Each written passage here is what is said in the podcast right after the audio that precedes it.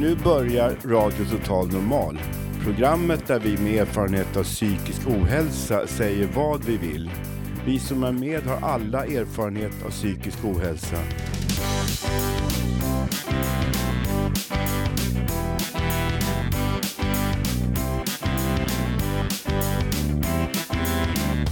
Du lyssnar på radio Total Normal. 101,1. Totalt Normal. Radio Total Normal, torsdagar från två till halv fyra. Vi livesänder med publik från Götgatan 38 i Stockholm. Kom hit och lyssna. Här är alla röster lika värda.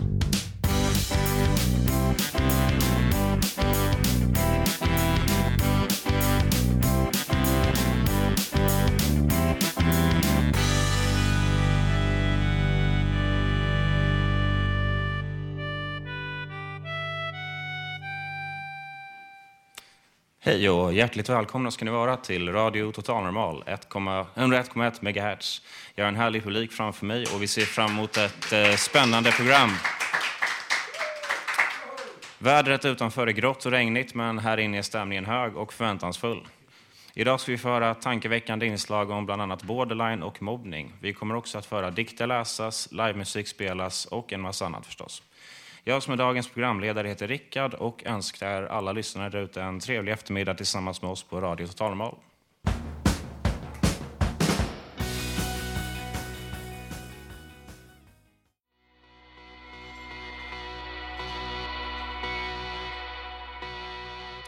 Och eh, nu ska vi få höra Alex berätta om godtyckliga diagnoser inom psykiatrin. Varsågod Alex.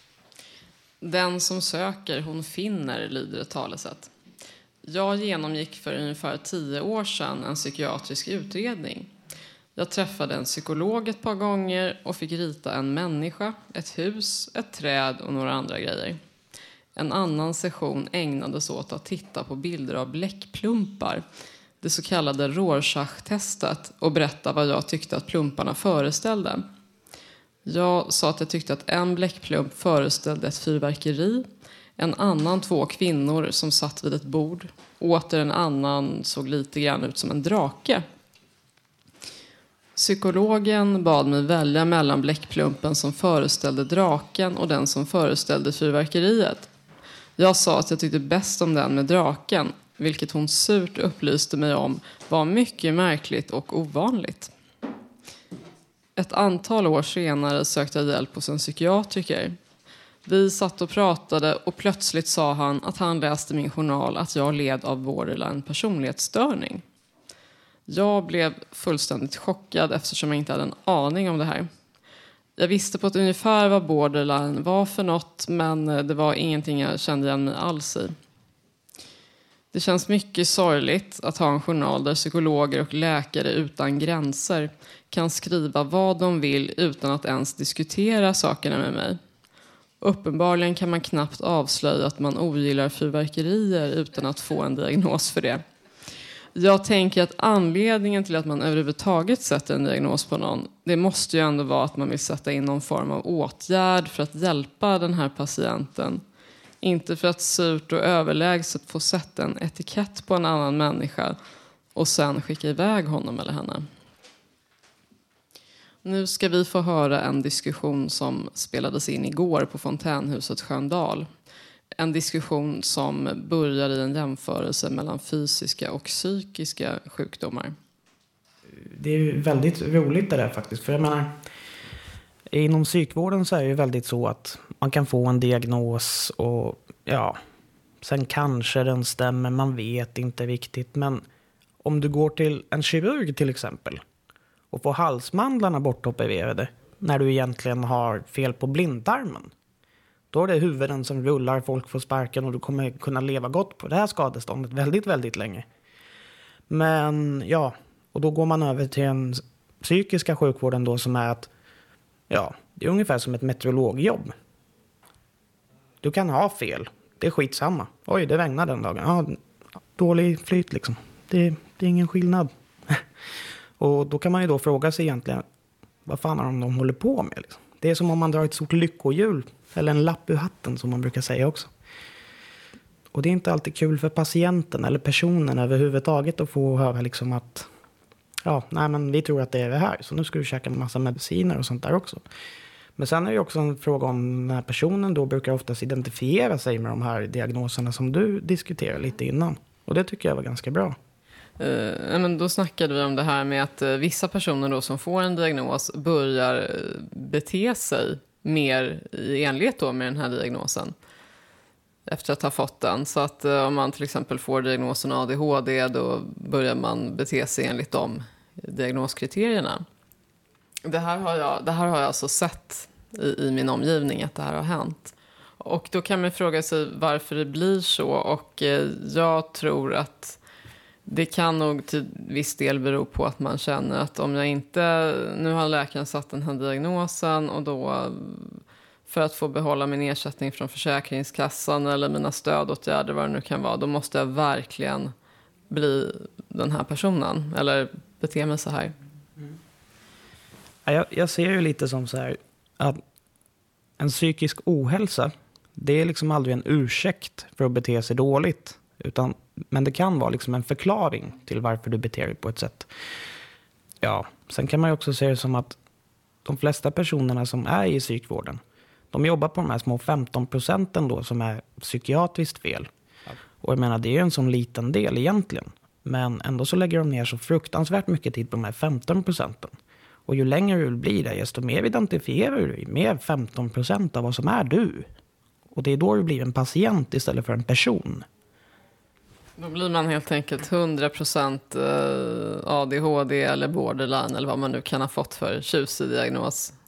Det är väl lite som de säger i pokern, det är all in liksom. Men... Nej, men alltså, problemet är att oftast om vi tänker på ungdomar till exempel som råkar ut för någonting. De söker ju fortfarande en väldig identitet. De har inte riktigt hittat sin plats och allting. Och det är svårt att finna sig idag även för äldre personer. Och jag menar, sen helt plötsligt har du någon som säger att ah, nej, men du har det här felet.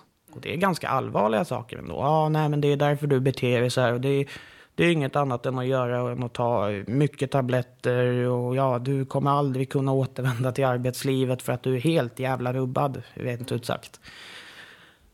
Vad fan är det för framtid liksom? Ja, ja, vad gör man då? Man ballar ur till slut. För att de tar ju liksom allt ifrån en då, som är de här över 85 procenten. Hur skulle vi vilja ha det istället för det här då? Jag tror var och en måste hitta sin egen väg lite där liksom. Det är ju så här, jag skulle vilja efterlysa mer om att det blir lite mer att patienter eller personer eh, överhuvudtaget får lite mer så delaktighet i sin egen rehabilitering. Alltså att de har chans att påverka själv eller kunna föra en diskussion angående de här diagnoserna och hur de kom fram till det och om du känner själv att det stämmer. Och inte bara det, utan det skulle jag gärna vilja få med medicineringen också. För oftast får personer liksom så ganska tunga mediciner och de vet inte ens vad det är vad de gör, hur de fungerar, vad kommer hända sen? Ja, jag, jag tänker samma sak. Eh, så öppenhet. Men att inte kunna berätta för en patient vad man kommer fram till för diagnos och inte ha någon diskussion kring det överhuvudtaget. Eh, jag tycker det är fruktansvärt och jag, jag, blir, alltså jag, jag blir arg än idag alltså, när jag tänker på det här nu ska man kanske inte bara, bara prata illa om psykvården. De gör ju trots allt så gott de kan. Men vi, det kanske inte är helt perfekt, men en vacker dag så kanske det i alla fall kan bli någorlunda bra.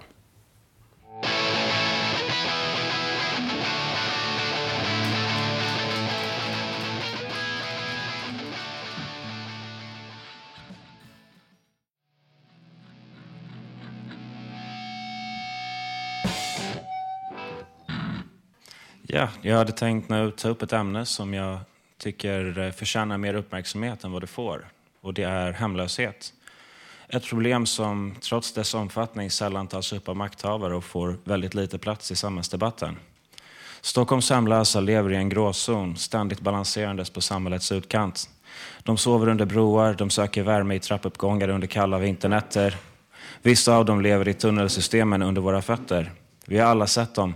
Kvinnan som säljer Situation Stockholm utanför affären. Den gamle mannen som letar burkar i soptunnorna på perrongen sent på kvällen. Och trots att vi alla ser dem så är det som om de vore osynliga. Stockholmaren har lärt sig att bekvämt filtrera ut dessa människor ur stadsbilden. Det finns dock människor som engagerar sig ideellt och som på sin fritid jobbar hårt för att räcka ut en hjälpande hand till de som behöver hjälpen mest. Ett av dessa ideella projekt kallas Soppkök Stockholm och har varit i drift i strax över ett år. Verksamheten är religiöst och partipolitiskt obunden och syftar till att bidra med materiell hjälp och bygga broar mellan hemlösa och det vanliga samhället. Soppköket arrangeras en söndag varje månad i Björns trädgård vid Medborgarplatsen. Verksamheten sätter alltid igång klockan 12 på dagen men förberedelserna börjar redan tidigt på morgonen. Under ett par stora partytält serveras varm mat, smörgåsar och kaffe under hela dagen. Man delar även ut hygienprodukter såsom schampo, tandkräm, tandborstar och tvål. Vid sidan av matserveringen delar vi ut kläder, allt ifrån skor och byxor till varma vinterjackor och sovsäckar. Arbetet vid klädutdelningen är väldigt socialt och man träffar människor som man aldrig annars hade träffat. Jag själv jobbade som volontär under det senast genomförda soppköket den 23 september. Vi delade ut mat, kläder och hygienartiklar till ett stort antal behövande och det uppstod många givande och tankeväckande samtal och möten. Ett möte som särskilt etsade sig fast i mitt minne var med en ung man som hade anlänt till Sverige bara en vecka tidigare på flykt från oroligheterna i Egypten. Han var fullständigt papperslös och ägde inte mer än kläderna han gick och stod i. Vi kunde ordna fram ett par rejäla vinterkängor och varma kläder samt se till att han kunde äta sig ordentligt mätt. Och mötet med honom fick mig att inse att det finns många olika typer av hemlösa och att många hamnar mellan stolarna, totalt utlämnade till ett liv utanför samhället, helt utan egen förskyllan. Soppkök Stockholm drivs av privatpersoner och den materiella hjälp som delas ut är donerad av allmänheten. Donationer av alla typer behövs alltid, just nu särskilt varma vinterkläder och jackor. För mer information om Soppkök Stockholm besök gärna deras hemsida på adressen www.soppkökstockholm.wordpress.com. Min förhoppning är att om tillräckligt många människor engagerar sig så kan vi tillsammans höja våra röster så att makthavarna tvingas att lyssna, tvingas agera och göra något åt hemlösheten. Det är i mina ögon helt bisarrt att människor ska behöva svälta och sova ute i kylan i 2000-talets Sverige.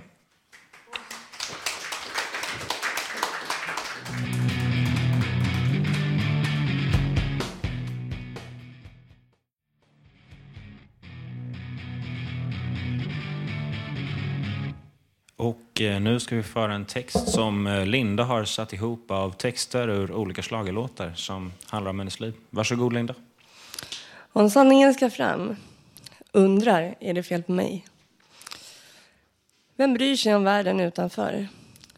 Nu, when we found love in a hopeless place. Men min kärlek räcker till världen utanför. Vågar ni, så vågar jag. Det är mitt enda liv. Vill jag ångra det? Nej. Det finns bara one love, so we must stand together. Men nu vet jag hur det känns att förlora. Det var ingen rolig historia. Men jag är lyckligare nu. För I learn. Jag lär mig väl. Man vänjer sig vid allt. Som mina döttrar, Madeleine och Nicole, säger. Snälla mamma, du får inte försvinna. För vi behöver dig här. Du är vår gudinna. Du håller upp oss som vi samlas som en familj. Utan dig så skulle vi inte finnas till. Du är så stark, kämpar stort för ditt liv för att din sjukdom ska bli bättre inom snar framtid. Hur är det möjligt att Gud kunde skapa något så fint? Men så fort du ramlar så reser du dig omedelbart upp igen. Men idag så vet jag vem jag är. Jag är en mamma och jag är även flickan med kråkan. För än finns det liv.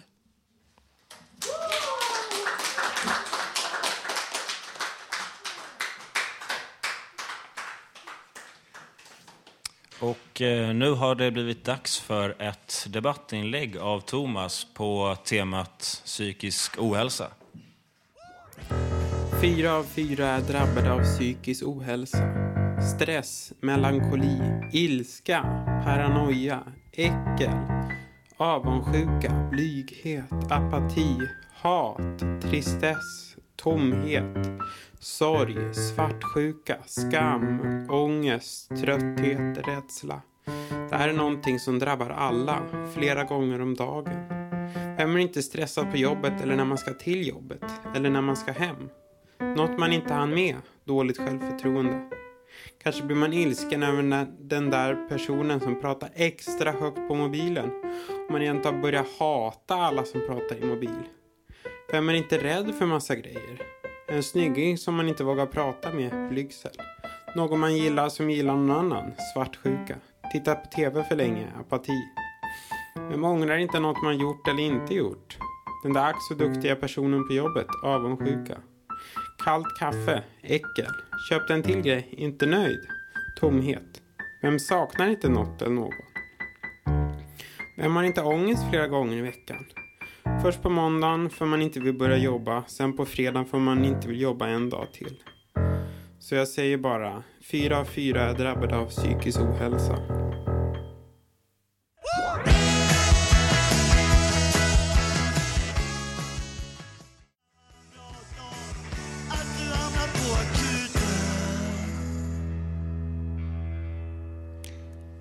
Och eh, nu ska vi få höra Maria som ska läsa en dikt. Varsågod Maria. Tack. Ja, jag heter Maria och jag är medlem här på Fountain House, Stockholm. Och eh, ja, ska läsa en dikt av Maria Wine. Och den här dikten fick jag av Maggie som leder skrivargruppen här på Fountain House. Denna underbara människa. Det här är alltså en dikt av Maria Wine. Och slutligen ska du fatta och förstå. Du ska lösa upp, sammanfoga och på nytt skapa. Du ska ej mera döda dagen med en ledsen suck. Du ska alltid minnas uppstigandets vingsträckande fågel i din kropp. Du ska spinna och spinna, inte för att få tiden att gå utan för att med dina trådar leda drömmarna fram till verklighet. Du ska vara din egen tjuv och stjäla det som är ditt. Jaga det ur sina gömställen och befrukta det med din vilja. Du ska avkläda mörkret dess hot och föredra att rida det friskt rullande hjulet framför att såras av en blända bländande men ack så stillastående stjärna. Du ska sluta att utstå och bevattna ditt eget ogräs. Så slipper du också myrorna i din hjärna som förhindrar din sömn. Du ska dricka visdom ur bergets blommande munnar. Våga hänga i eget hår över en avgrunds svindlande djup du ska likt en regnets gudinna välsigna och vårda din oas. Ditt livs mål bör vara att likna vattendroppen som hänger ett ögonblick i sin egen fullkomlighet innan den faller och krossas. Tack.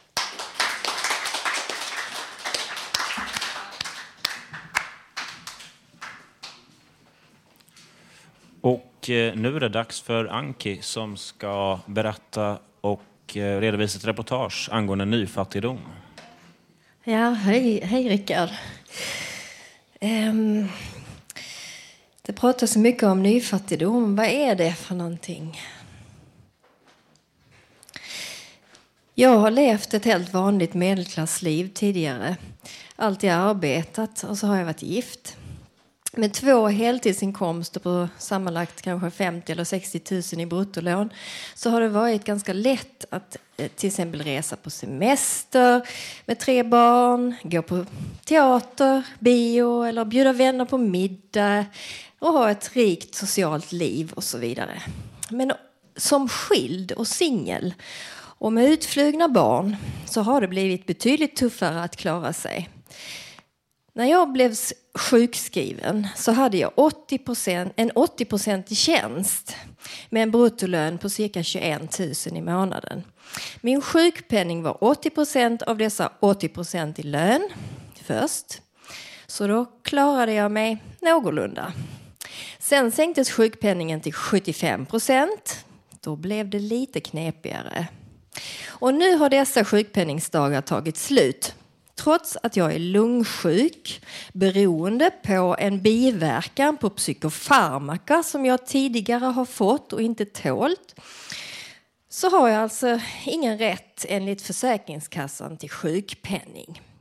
Jag har djup ventrombos i benet, jag har lungemboli, det är också blodproppar i lungorna, förmaksflimmer och så har jag haft en TIA-attack, alltså en blodpropp i hjärnan utan blödning i vintras. Men enligt Försäkringskassan så har mina sjukpenningsdagar nu tagit slut och jag ska göra arbetsintroduktion, som det heter, i tre månader. Och om jag lägger mig i sängen och inte orkar någonting i tre månader så kan jag få tillbaka sjukpenningsnivån. Men jag vill tillbaka till arbetslivet så jag kommer att vara aktiv med så kallat aktivitetsstödersättning som är cirka 1300 kronor mindre än jag har nu i sjukpenning. Med komplettering genom socialbidrag belastas kommunkassan istället för statskassan så statskassan ser välskött ut av den moderate finansministern Anders Borg. Harkel, harkel. Just nu har jag 199 kronor över till mat den här månaden efter att mina räkningar är betalda. Nu ska ni få höra hur det går att handla mat för så lite pengar. Melinda och jag gav oss ut på mataffären.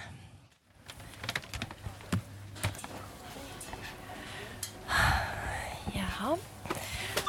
Kommer vi fram till... Här har de frukt och grönsaker. Frukt kan jag inte alls kosta på mig. Det går bara inte. Eh, kilopriser på 22,90 29,90 för päron, 32,90 för bananer, 26,90 för äpplen. Nej, det går inte. Men vitkålshuvud, kolla här. 12,90 per kilo. Undrar hur mycket, det här, hur mycket väger ett, ett sånt här? Fem kilo kanske. Fem kilo, Kanske två. Ja, väg den Ska vi se vad det väger. Vad det kan gå på. Köpa ett vitkålshuvud. Nästan 3,4 kilo väger det. Bra, lägg det här i korgen där. Tack så mycket. Morötter har jag hemma ett kilo ungefär. Ska vi se. Här har vi lite gul lök. Man tar fyra stycken. Jag har, jag har linser och ris hemma. Jag har lite pasta. Men om man, om man gör soppa på det här. Om man tänker mjölk, mjölk skulle jag kunna köpa. Om jag köper nio liter den här månaden så skulle jag kanske kunna då har jag ungefär 3 deciliter om dagen. Det kan funka. Mjölk kan jag kosta på mig. Det är ju viktigt. Det är mycket näring i mjölk. Både kalcium och lite vitaminer. Ska se. Ta en liten mjölk här. Så. Så. Här är till exempel kanelsnäckor, två stycken för 10 kronor. Men det har inte jag råd med, även om det skulle vara väldigt gott. Kanske kan baka, fast jag har inget smör. Jag har olja. olja. Jag får baka någon sorts kaka på mjöl och olja. Det låter inte så gott men sockret är nästan slut hemma också. Kaffe har jag. Ett öppnat paket kaffe har jag. Och lite te. Så. Nu har jag handlat ett vitkålshuvud, fyra lök, eh, två burkar kostade tomater och en liter mjölk. Det kostade 47 kronor. vilket är ungefär en fjärdedel av vad jag har. Jag kommer, jag kommer att köpa nudlar också. Eh, så jag har varje dag, för jag ska göra sådana arbetsplatsin, arbetsintroduktionspraktik heter det. Och eh, det ligger ungefär 8 kilometer från där jag bor så jag kan inte gå så, och, och cykla kan jag inte heller för jag, har, jag är lungsjuk. Så att jag, jag måste ha ett eh, SL-kort som kostar då 790 kronor. Eh, så därför har jag bara 199 kronor till min mat den här månaden. Men med nudlar så har jag i alla fall lunch varje dag på min praktikplats. Ja, men Linda och jag vi gick, alltså inte, vi gick till närmsta affär och inte den billigaste matvaruaffären. Men man kan ju hitta grönsaker för 3 kronor kilot just nu i skördetid. Tack för mig.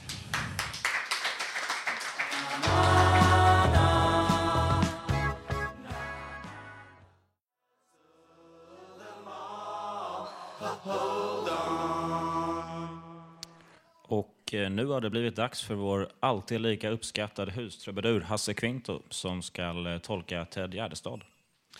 Ja, jag tänkte i min serie Hasses musikfavoriter idag prata om Ted Gärdestad och det är favorit i repris. För jag har, jag har gjort det förut, men eh, han är så bra så att jag gör, gör det i repris. Ted föddes den 18 i andra 1956 i Sollentuna, dog den 22 i sjätte 1997 i Sollentuna. Han var sångare, kompositör och musiker, spelade gitarr, piano och dragspel. Ted växte upp i Sollentuna och komponerade låtar redan vid sex års ålder, bland annat Sollentunavalsen. Medverkade i tv i barndomen, bland annat i Adventskalendern 1966. Ted slog igenom som 15-åring 1971 och han blev upptäckt av Benny Andersson och Björn Ulvaeus och fick göra en LP-skiva, Undringar, 1972 på skivmärket Polar. På den fanns den välkända låten Jag vill ha en egen måne. Texten till den låten är skriven av den äldre brodern Kenneth som skrev de flesta texterna. Ted gjorde flera LP-skivor där de mest kända låtarna är Jag vill ha en egen måne, Solvind och vatten och samt För kärlekens skull. Han ställde upp i Melodi Melodifestivalen flera gånger och vann 1979 med låten Satellit. Ted var också en duktig tennisspelare och var näst bäst i Sverige ett tag efter nära vännen Björn Borg. Ted var på 80-talet med i sekten ledd av Osho Bhagwan Sheb Reiners och tog namnet Swami Sangit Upashani. Han träffade Ann Zacharias på 80-talet och fick två barn med henne, Sara och Mark. Ted spelade 1994 in skivan Äntligen på väg som kanske är hans mest mogna skiva och som blev hans sista. Efter hans död har bland annat Ted Gärdestad-sällskapet bildats samt en minnesbok kommit ut. Och nu ska jag sjunga låten Sol, vind och vatten.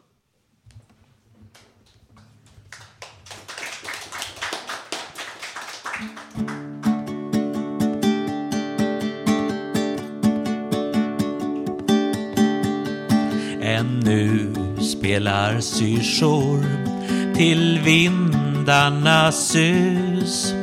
Ännu rullar kulorna på skolgårdens grus. Och än strålar solen på brunbrända ben. Ännu ruvar fåglarna fast timmen är sen. Det finns tid till försoning innan dagen är förbi. För jag tror på friheten jag lever i. Och är det inte verklighet så drömmer jag. Sol, vind och vatten är det bästa som jag vet. Men det är på dig jag tänker i hemlighet Sol, vind och vatten, höga berg och djupa hav. Det är mina drömmar vävda av.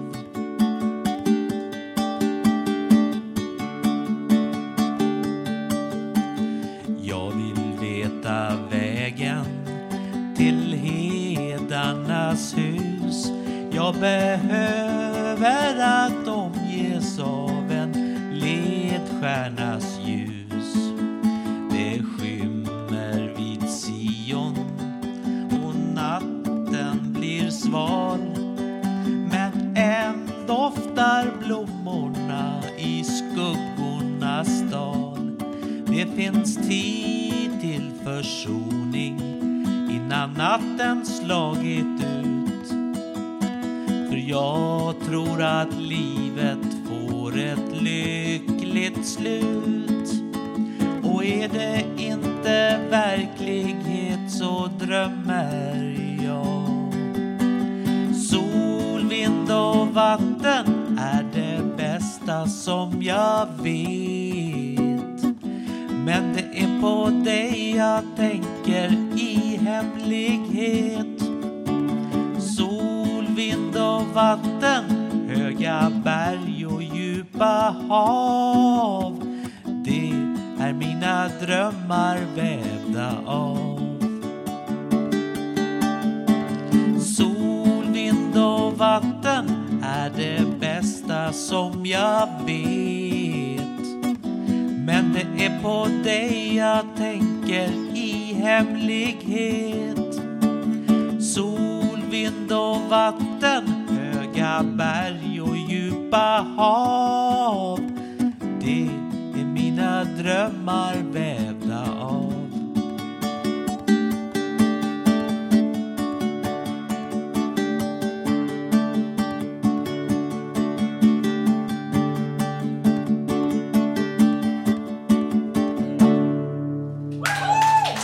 Tack så mycket. Tack så mycket.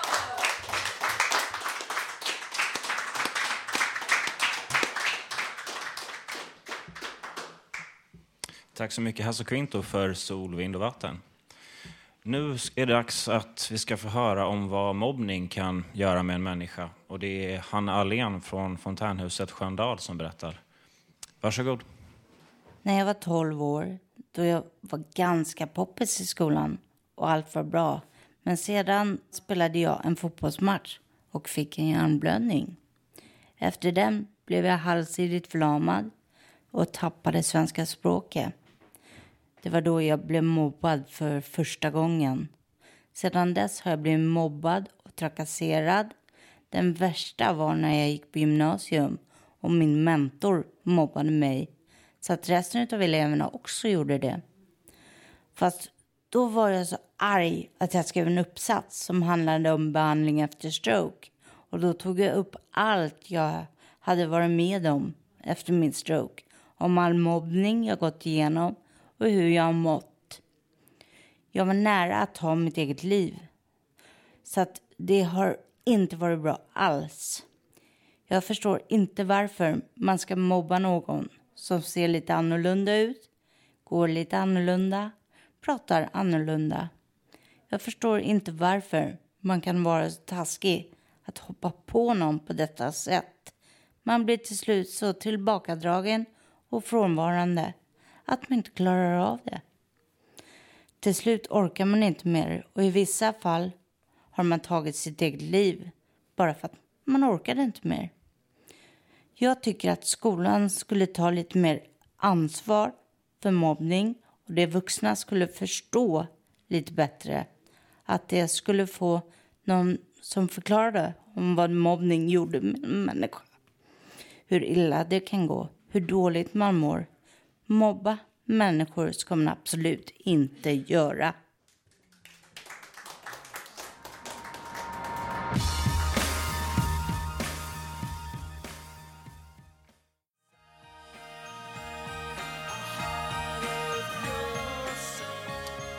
Och eh, nu har det blivit dags för Lars som ska prata lite om The Beatles och presentera en låt. Varsågod Lars.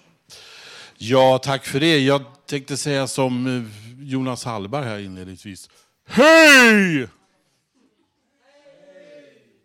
Jo, eh, jag tänkte börja berätta. Jag var på bio i veckan och såg den här filmen med Lasse Hallström och Lena Olin.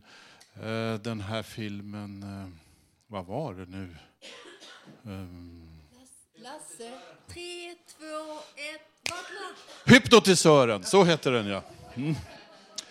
Eh, imorgon, den 5 oktober år 2012, så är det exakt 50 år sedan Beatles eh, första singel kom ut. Love Me Do 1962. Hur många av er var med då? Det är några här som var med 1962. Eh, det var samma usla sommar det året. Men det som var bättre, eh, det var ju att då gick eh, Björn Ranelid i sjunde klass och hade ännu inte skrivit någon bok, så det var mycket bättre förr än det är nu. Okej, okay, 1962 ja. Eh, Love Me Do. Jag ska berätta lite om historien då, första singeln. Beatles hade ju kommit då redan i juni 62, eh, deras första besök på Abbey Road. Då började en liten version av Love Me Do födas. De spelade in den första inspelningen. Jag kan höra lite hur det lät då i det första försöket. Sean.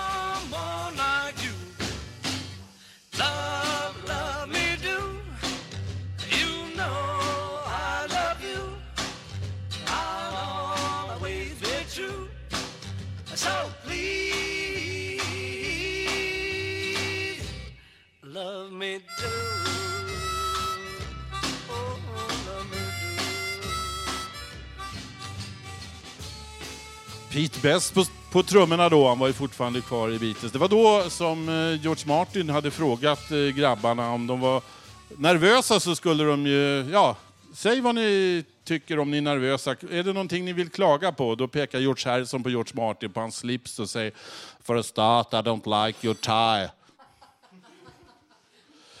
Eh, det här munspelet då, det var inspirerat av mm, Bruce Channel som hade kommit med en låt som heter Hey Baby. Den känner Hasse till som sitter där. Hey Baby! Och så var det ett munspel till och den inspirerade eh, John Lennon att uh, försöka efterlikna då på Love Me Do. Sen kom de fram till september då när de spelade in den här låten.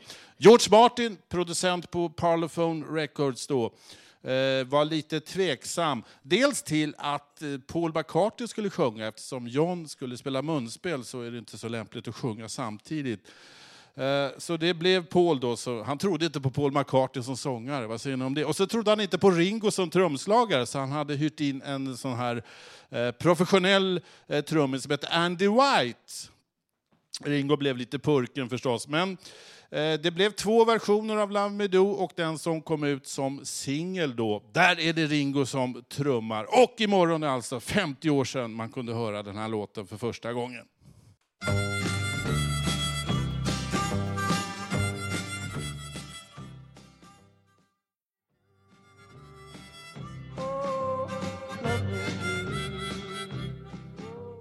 Love Me Do i singelversionen. Den togs upp på 17 plats på engelska försäljningslistan.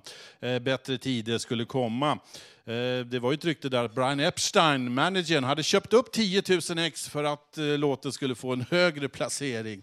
Och så är det ett rykte också att munspelet som ni hörde där, som John Lennon trakterade, där hade han stulit i Hamburg. Det är ni. Ja, man kan berätta om 50-årsjubileum för Beatles. De kommande sex åren kan man i stort sett varje dag ha något jubileum om Beatles. Det är inte dåligt. Och Love Me Do, Ringo eh, fick ju vara med i alla fall till slut. Och sen eh, spelade han in låten själv också på senare dagar. Love Me Do, Beatles första singel. Får vi höra lite hur Ringo gjorde den här.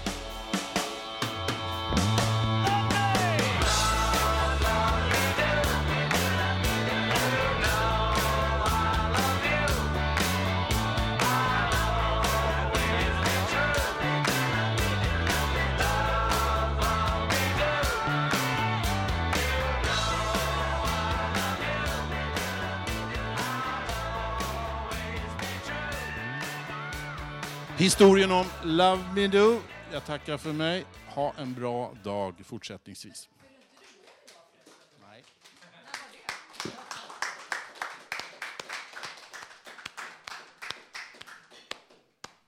Och eh, nu blir det dags för ett inslag från i fredags då programmet Elving hälsar på var på besök här hos Fountain House. Eller rättare sagt, vikarien Anders Hildemar Olsson var här och pratade med flera på Radio Total Normal. Vi hör först hans samtal med Idamo. Hur länge har du jobbat med Radio Total Normal? Snart ett år, eller ganska precis ett år sedan var jag kom hit. Och vad har varit roligast? Ehm, ja, för mig har det varit lite av en eh, chockupplevelse för jag kom hit för att jag var i jag hade problem med myndigheterna. De hade tvångsomhändertagit min son. Så att jag var tvungen att gå någonstans och berätta för folk vad myndigheterna gjorde mot mig. Annars så skulle de förgöra mig helt enkelt. Så då fick jag chansen att här öva på min röst och stå på mig. Liksom. Sen har det ju blivit väldigt roligt också under resans gång. Min son kom tillbaka, jag vann i rätten och allt det där. Så nu är det ju bara, det är bara roligt. Musik och möten med andra musiker och samarbeten. Och kan man säga att Fountain House och Radio Total Normal var en slags eh, ventil när det var som jobbigast? Ja, det var det. Det var som att gå till kyrkan. Sändningarna är som rena rama gudstjänsterna, fast mysigare.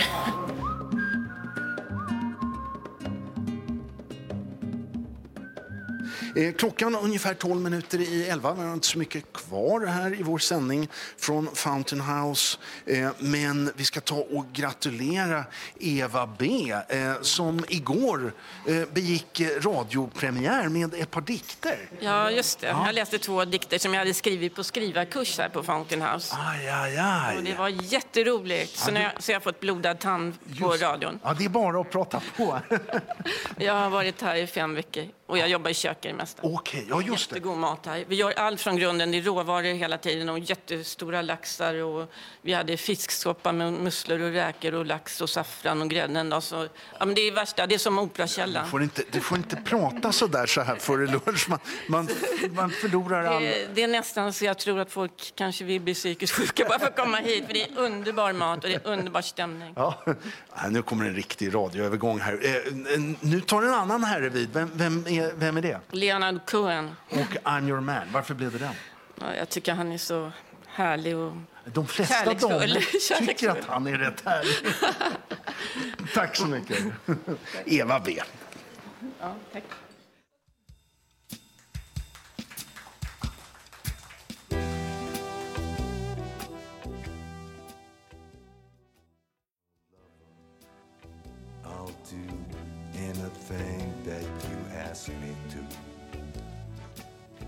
Nu har det blivit dags på scen för Ann-Sofie som ska läsa sin dikt Tvisten för oss. Varsågod Ann-Sofie.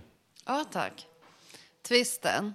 En iakttagelse, eller för att vara ärlig, en förekommande fenomen för mig att hamna i dylika situationer av val. Det kan gälla mellan länder, städer, platser, till och med hela kontinenter. Att komma till en ny stad har för mig endast varit förknippat med positiva upplevelser syftar på Europa. Fenomenet nyhetens behag känner de flesta till. Man låter sig inspireras av allt det nya och fylls med en känsla av välbehag. Speciellt om det är mycket bättre än man kunnat drömma om.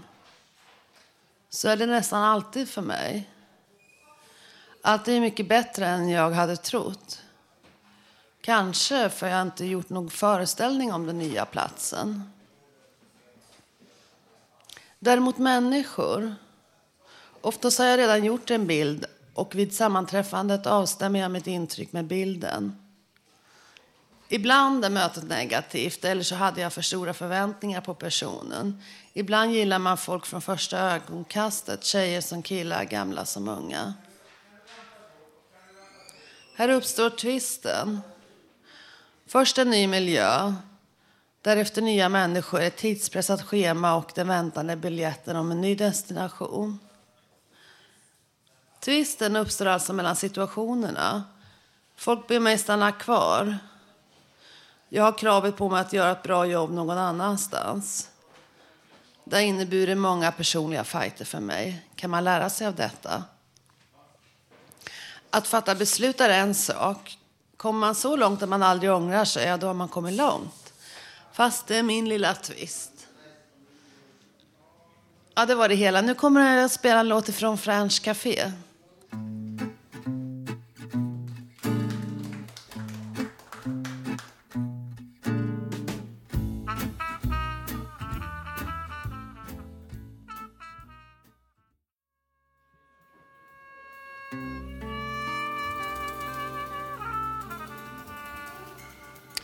Yes, nu är det dags för Håkan som ska tala om ett eh, mycket aktuellt ämne. Varsågod Håkan. Hej! De flesta har nog läst och hört också om den här franska flickan som mamman lämnade kvar som Migrationsverket skulle skicka till Frankrike. Som jag tycker är helt förkastligt att man kan behandla så. Men nu har det kommit fram att mamman har hört av sig och vill ha tillbaks sin dotter. Hon har ju visserligen ett franskt medborgarplats, medborgarskap och har även det Algeriet. Eh, när barnet föddes, Hadilis föddes för cirka två och ja, drygt två år sedan så lämnade hon henne när hon bara var två, tre månader gammal. Hon bor nu hos en fosterfamilj i, på, i, här, på. Hon, eh, mamman är rädd att åka till Sverige för att ta hem sin dotter.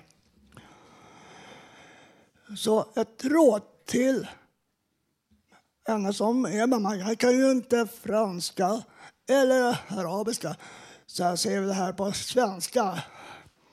Att hon tar kontakt med sin advokat respektive med den svenska advokaten och familjen och träffar dem och ser och diskuterar vilket som är bästa för Hadile.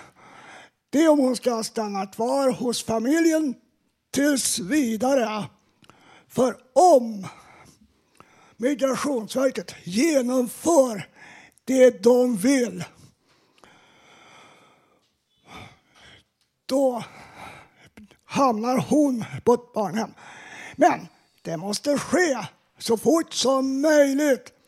För annars så hamnar i en dålig sits och får börja om ifrån början igen. För hon är inte värd en sån behandling. Alltså, jag upprepar.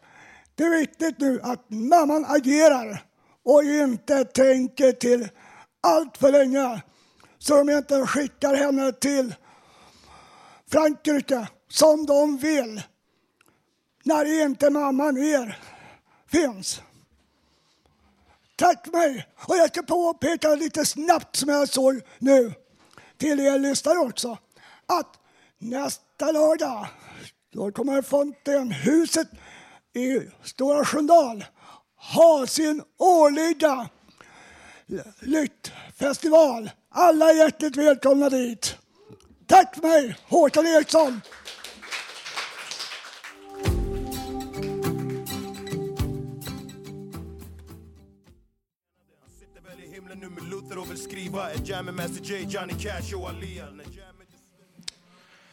Och eh, nu har det blivit dags för Ulf som ska läsa upp en dikt. Idag är fredag, går torsdag, nu 2012, februari var vinter. Fyllde 28, 59. 59. Jag bor i Hammar på höjden. Kanske nästa år, 2013. Juni, juli och sommar. Souschef flera gånger. Jag arbetar på Fountainers kontortid. Jag är medlem. Jag skrev lite dikter. Förra året var 2011. Natten munkar, månen lyser, stjärnan blinkar. April, maj var vår, med september, påsk var vår. Vind blåser efter fredag 28 september.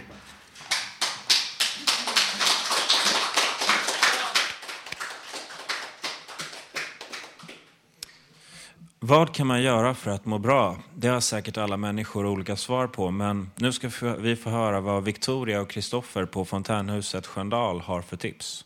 Det, det, är väldigt bra att umgås med människor och inte isolera sig själv. Och sen eh, tycker jag man ska göra saker som, är, som gör en lugn. Eh, ja, men till exempel eh, man kan göra meditationsövningar. Eller man kan, man kan måla eller göra någonting kreativt som är lugnande då. Eh, och sen musik är alltid bra. Spela bra musik. Ja, man kan eh, gå ut i naturen och eh, fiska och stå vid vattnet och höra ån brusa. Det leder till att man minskar ångesten för, för stunden. Jag anser nog att i alla lägen så är det, det är nära relationer och det är, det är ut och gå. Det är liksom, det så säger man ju nästan om alla typer av sjukdomar att det bästa du kan göra det är ta en promenad. ta en promenad och var med dina nära och kära så att du får den här sociala omfamningen och att du får frisk luft i meditation. Ut och gör saker.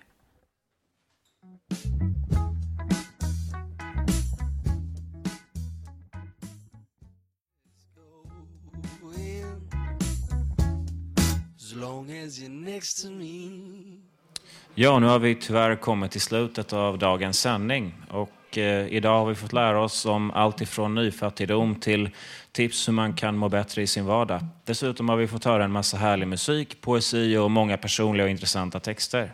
Nästa torsdag kan du höra oss igen som vanligt med publik här från Fountain House på Götgatan 38 i Stockholm. Fram till dess kan du lyssna på oss på webben och det är www.radiototalnormal.se. Där kan du också skriva gästboken, komma med förslag och gå in på vår Facebook-sida och titta på bilder. Tekniker idag var Gustav Sondén och Emma Lundenmark. Producent Melinda Vreda. Producent för Ungredaktionen Emma Lundenmark och projektledare var Martin Oud. De som har valt musiken idag heter Thomas och Gustav och jag som var dagens programledare heter Rickard. Tack för oss, på återhörande.